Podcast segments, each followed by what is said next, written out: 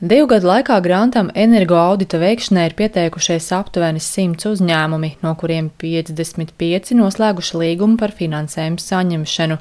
Visbiežāk energoefektivitātes projektu izstrādē tiek piesaistīti līdzekļi 3 līdz 5 tūkstoši eiro apjomā.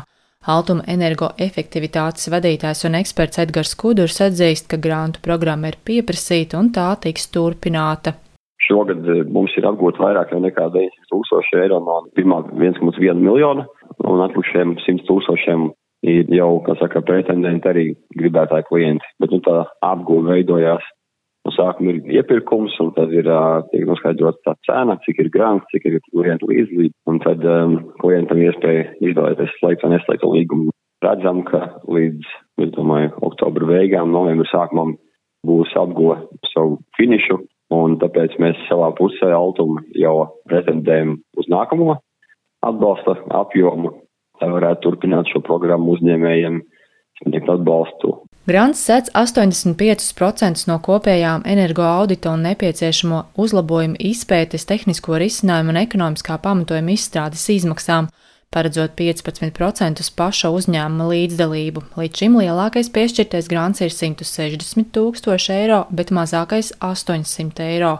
Pasākumi, ko īsteno uzņēmumi, ir dažādi. Esošās infrastruktūras pārbaudi, apgaismojuma un apkuras sistēmas audits veids, tad elektrosistēmas un citu inženieru tīklu, dažādu izpildu dokumentāciju izstrādi, jo nereti ir tā, ka mēs iegādājamies kādu ēku, izmantojam jau kāda esoša ēka un mēsturiski ir bijis kaut kādas citas aktivitātes veikts šajā ēkā un pārbūves veikts un, un ir pazudus kaut kur izpildu dokumentācijas schēmas un mēs nezinām, kur pieņemsim iet ventilācija, kur uzšķērs par griestiem. Tad ir iespēja arī šiem inženieru tīkliem izstrādāt arī izpildu dokumentāciju. Projekti tādi kā, piemēram, saules paneļu uzstādīšanas ekonomiski liederīgās izpētes. Grānta iespējas izmantojas arī Jēkabils novadā esošais cūkopības komplekss Miķelāni Bekons, stāsta uzņēmuma valdes priekšsēdētājs Ilvers Strasdiņš. Paši mēs esam no Dobels, Dobelē arī vieta ferma, un mēs nopirkām no maksāt nespējīgu administratoru Miķelānu cūku kompleksu, kas uh, īsnībā bija palicis kaut kur tai padomju tai attīstības etapā, kur nekas nebija arī noticies. Tur visas ēkas, principā, ir būvētas no paneļiem un eh, nu, ļoti švakām nu, siltuma īpašībām vai izolāciju vai kā to nosaukt.